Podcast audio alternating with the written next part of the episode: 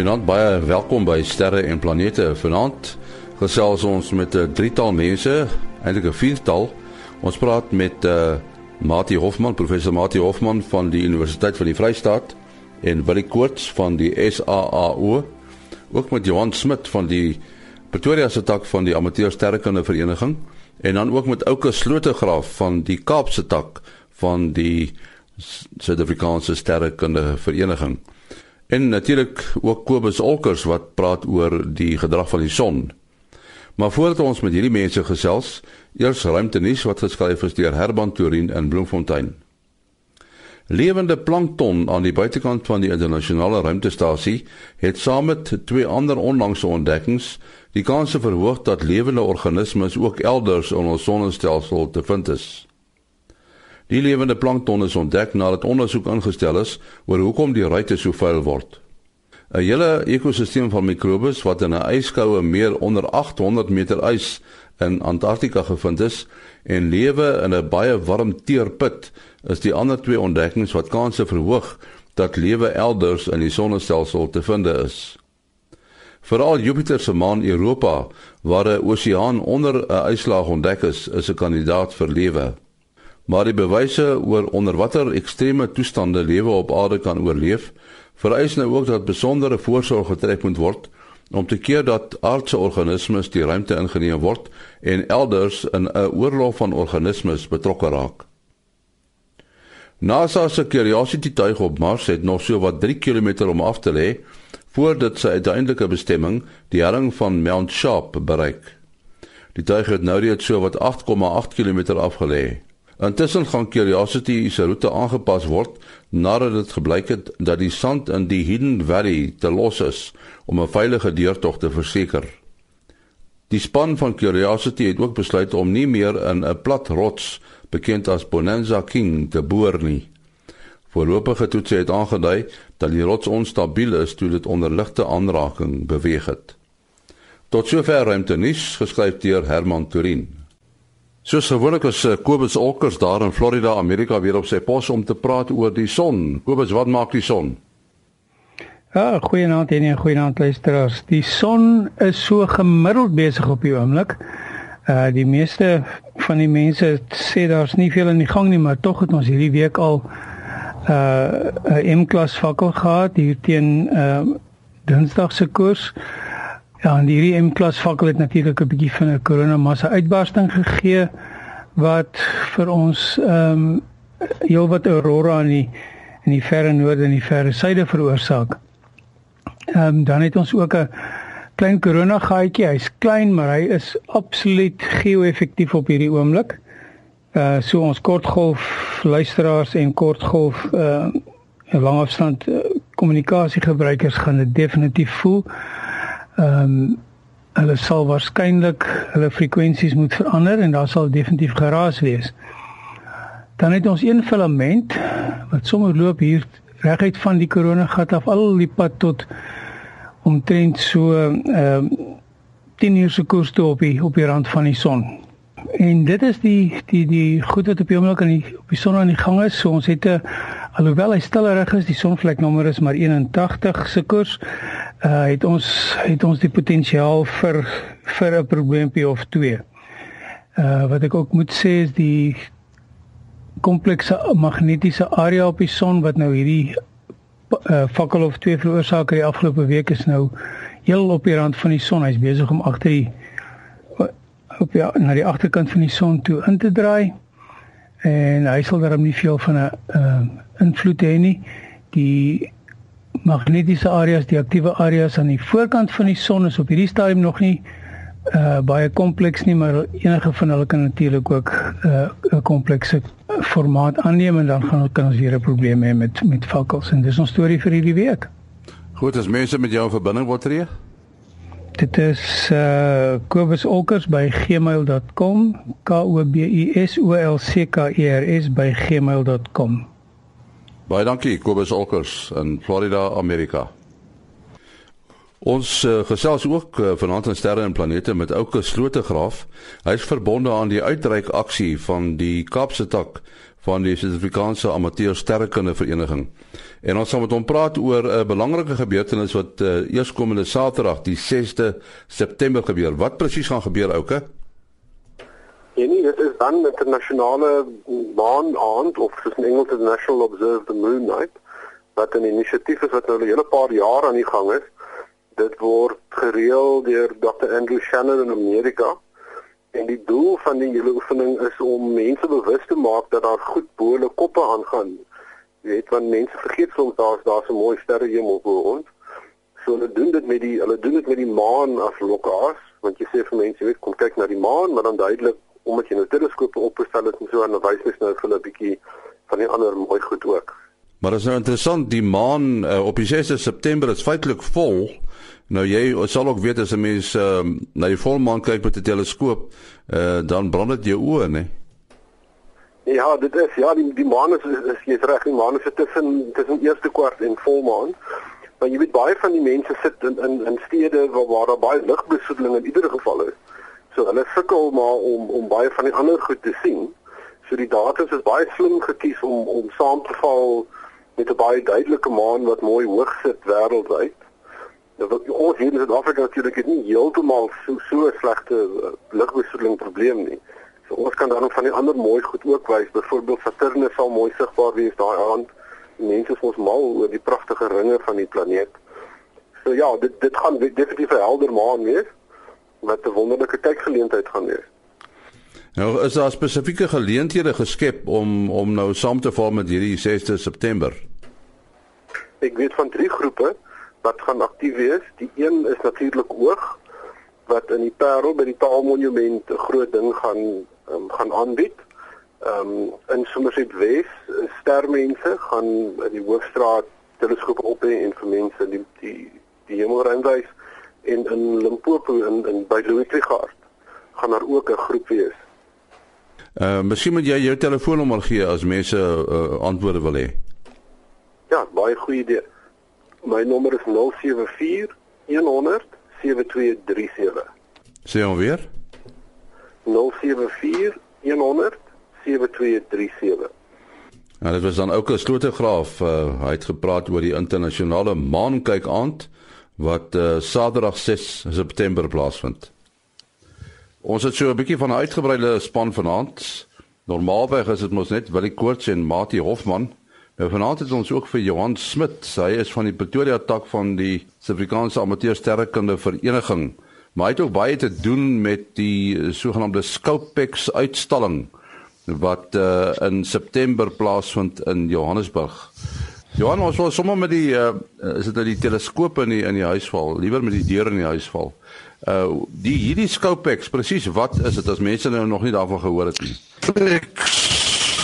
Het begin 13 jaar terug as 'n uitstalling gemik op amateur teleskoopmakery, maar dit het nou intussen tyd heeltemal ontaard in 'n totale wetenskapfees. Nou hierdie jaar word die 13de een gehou toevallig op die 13de September. Saterdag by die militêre museum um, langs die Johannesburgse dieretuin. Ja, die verbinding is nie heeltemal so goed as wat ons dit wil hê nie, maar Johan, jy het gesê dit het begin as 'n uitstalling van teleskoopmakers. Wat het dan nou bygekom? Ehm um, intussen het daar nou praatjies bygekom. Ehm um, die kommersiële teleskoop en fotografie mense het bygekom. Sasta en Sybono het bygekom en daar word nou baie aanbiedings gedoen vir die jeug. Ehm um, op die dag word daar busse vol kinders ingebring. Ehm um, en deur die dag is daar wetenskapuitstallings en werkswinkels waar kinders en jong mense betrokke kan wees. Byvoorbeeld sy Bono het 'n uh, eh, spektroskopie en 'n suitcase workshops ehm um, vir kinders geskik tussen 13 en 17 wat deeldag deur die dag plaasvind. Ehm um, Experalab, um, die winkel wat wetenskaplike opvoedkundige speelgoed verkoop, hou elke uur 'n wetenskap vertoning vir die kinders. Saibono se digitale planetarium is daar en hierdie jaar het ons ook 'n 'n baie goeie lys van sprekers van oorsee af. Daar is iets vir almal van jonk tot oud reg deur die dag. En dan om die dag af te sluit het ons 'n sterrepartytjie wat ons later in die aand of later as die son gesak het, die teleskope oopmaak. So ons sal iemand kan besig hou van 9:00 die oggend tot 9:00 die aand. Johan, 'n uh, hele klompie van hierdie goed het nou al plaas van van hierdie Scopex geleenthede. Uh woon die mense daarom die geleentheid by? Ehm um, hierdie jaar sal nou die 13de een wees. Ehm um, en daar word gewoonlik so tussen 2 en 3000 mense deur die dag die hekke getel wat daar wat daar kom. Ehm um, en daar is plek vir hom nog so 'n paar. So as iemand lus is om te kom, die dag is hy baie welkom. So vir die ou wat 'n dak teleskoop wil koop, is dit die ideale plek. Wel, dit is nou een 'n baie ideale plek waar jy kan 'n paar verskaffers is daar op dieselfde tyd so jy kan pryse vergelyk, jy kan modelle vergelyk deur net van een kant van 'n saal te loop na 'n ander kant van die saal toe. En toevallig hou die ouens ook spesiale aanbiedings net vir die dag aan daarso ook. 'n Vorige keer toe ons met jou gepraat het, het ons te doen gehad met ons wat noem die geduldsfaktor. Dit is om teleskoopspieëls te slyp. Is daar 'n man of twee of 'n vrou of twee wat ook 'n spieël of twee gaan slyp daar? Daar is ons het 'n hele tent waar onder die ehm um, demonstrasies heeldag gedoen word. Die mense glo ook weet jy moet die ding met 'n masjien ook kan doen. Een van ons ehm um, ervare ouens het 'n masjien gebou om die rowwe slypwerk op die groot spieëls se fisiese handewerk manne te maak. So elke uur gaan hy ook demonstrasies hou met die masjien jou geduld gaan nog steeds getoets word maak nie saak hoe jy die ding aanpak nie. Ja, dit was my interessant destyds toe ons met uh, Johan gepraat het, toe, toe hy gesê dat uh hierdie speelslypery uh, toets eintlik meer jou jou kennis oor jouself as kennis oor speelslype. Goed Johan, net net net weer die datum en die plek waar dit plaasvind. Dit is op die 13 dis die 13de Scopex op die 13de September Saterdag by die militêre museum van militêre geskiedenis wat langs die Johannesburgse dieretuin geleë is. Aanwysings in na die plek toe is op ons webblad um scopex.co.za. S C O P E X.co.za. Mati Hofman uh, daar in Bloemfontein het intussen by ons aangesluit. Mati, is die digitale planetarium ook daarom verteenwoordig daar? Uh ja, ons beplan so. Ek het al 'n paar keer, seker so 5 keer die voorreg gehad om Scopex by te woon en ek kan dit ten sterkste aanbeveel. Dit is 'n heerlike feestelike atmosfeer, maar ook baie leersaam en wat wat uh, dit baie aangenaam maak is die gemeenskaplike entoesiasme en 'n mens kan jou regtig verwonder aan veral wat ek die meeste geniet is om te, te gaan kyk na die verskeidenheid van teleskope, regtig uh, kunswerke wat uh, mense self gebou het van klein tot groot. Ek het nou geluister, lyk my dit is 'n nuwe item wat hulle daai masjien se aksie gaan demonstreer. Ek kan nie onthou dat ek dit 'n vorige keer gesien het nie. En uh Johan wat vir my nogal vreemd is dat dat dit so moeilik is vir 'n masjien om dit wat natuurliker gewys deur die gebruik van jou hande tot stand kom om 'n paraboliese vorm uit twee glas skywe te slyp dat dit een parabolies word en dan moet jy nou maar net daardie fyn fyn skuurwerk op die ouend gaan doen om die presiese vorm reg te kry. Uh, uh, nou ek weet die een is moeilik en die ander een vat baie geduld so ek weet nie watter is die moeilikste deel van die van die projek van teleskoop maak nie. ja, ja, ek wil ook miskien net byvoeg ek ken vir Johan redelik goed al ook al ontmoet deur Scopex en en uh verskillende sulke uitreike en ehm um, nou Johan het die vermoë om uit 'n bietjie uh uh um uh, 'n stukkie plastiekpyp wat jy vir jou toilet se afvoerbak kan gebruik en um, en dan 'n uh, uh, uh, 'n verdinkie wat jy dan nou daaraan kan vasgom en dan saag jy hom bietjie uit hier en wat ook al om daar uit uh, teleskope op te tower.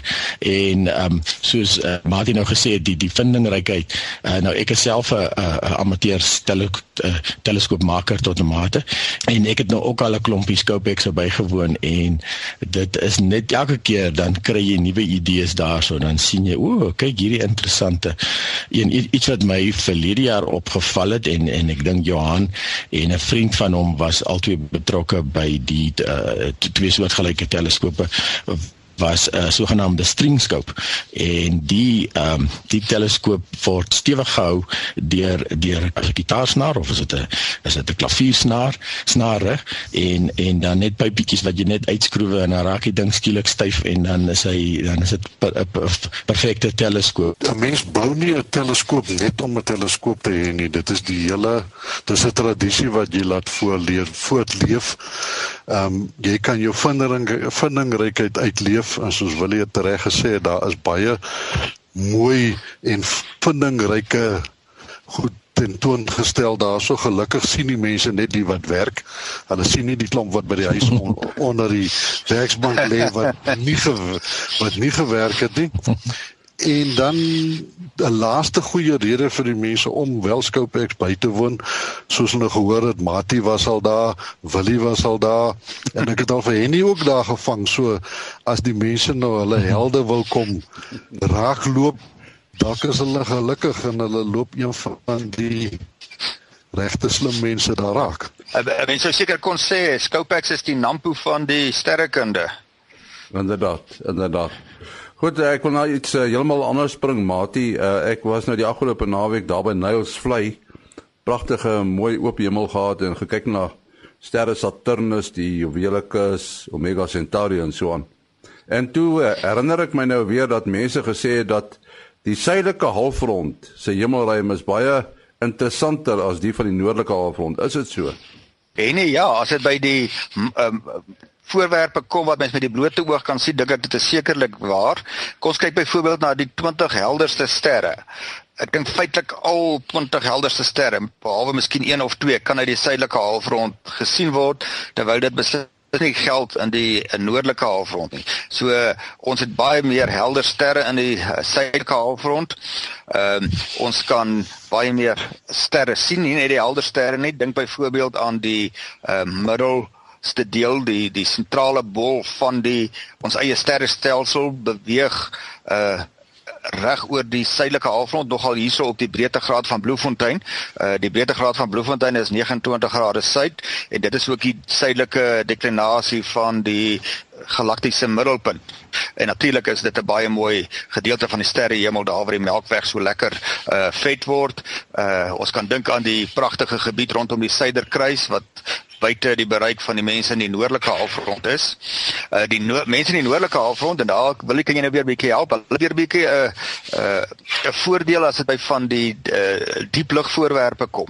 Dit wat jy nou deur 'n teleskoop gaan kyk, het hulle in bepaalde opsigte hulle nou weer 'n voordeel daar. Maar vir die kom sê nou maar die gemiddelde mens wat met sy blote oog of dalk die verkyker kyk, het ons baie voorregte in die suidelike halfrond. Wat sterrehope, sterrebonnels aan betref, is die twee helderstes wat met die blote oog sigbaar is in die suidelike halfrond en net in die suidelike halfrond. En soos jy sê, die noordelike ouens is miskien beter af aan galaksies, die Andromeda galaksie. Ons kan hom wel nie van ons af sien, maar hy sit natuurlik baie na in die, in die noordelike noordelike horison. Iets anders wat ek nou so twee naweke terug vir mense gewys het toe ons hier met 'n bus toer na Sutherland toe gekom het, was die ringnevel byvoorbeeld wat ook baie laag sit en en uh vir ons net net uh, sigbaar is in een van die helderste uh planetêre nevels is. Maar uh, ja, so ons kan ons kan so net net ook ook 'n loergaatjie kry waar die ouens in die noorde kan glad nie glad nie die um Omega Centauri en 47 Tucana en natuurlik die groot en die klein Magellaanse wolk sien nie. Wil jy ek het 'n uh, uh, uh, vraag net daarso as mense aan die Andromeda uh, dink. Ek het nou al gehoor dat dit die verste voorwerp is wat mense met die blote oog kan sien, maar iewers het ek weer gelees dat daar wel ander sterrestelsels is wat uh, wel nou seker seker nie uit die suidelike halfrond uit nie, maar uh ook al in noordelike rigting. Uh wat is die korrekte inligting daaroor? Weet is die Andromeda werklik die verste voorwerp wat mens met die blote oog kan sien? Ek is nou ook nie seker van die antwoord nie, maar ek weet dit is nogal 'n strikvraag as jy nou wil hare kloof, dan dan is die Andromeda galaksie nie, nie noodwendig die die verste voorwerp wat jy met jou blote oog kan sien nie.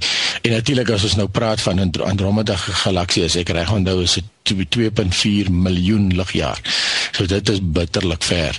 En, en om te dink jy kan dit met jou blote oog sien, dit is eintlik ondenkbaar. Uh, dit is bitterlik ver, maar dit is nog steeds die naaste groot uh, ander groot sterrestelsel. Daar's 'n klompie ander wat nader is soos die Magellaanse wolke, maar hulle is klein sterrestelseltjies.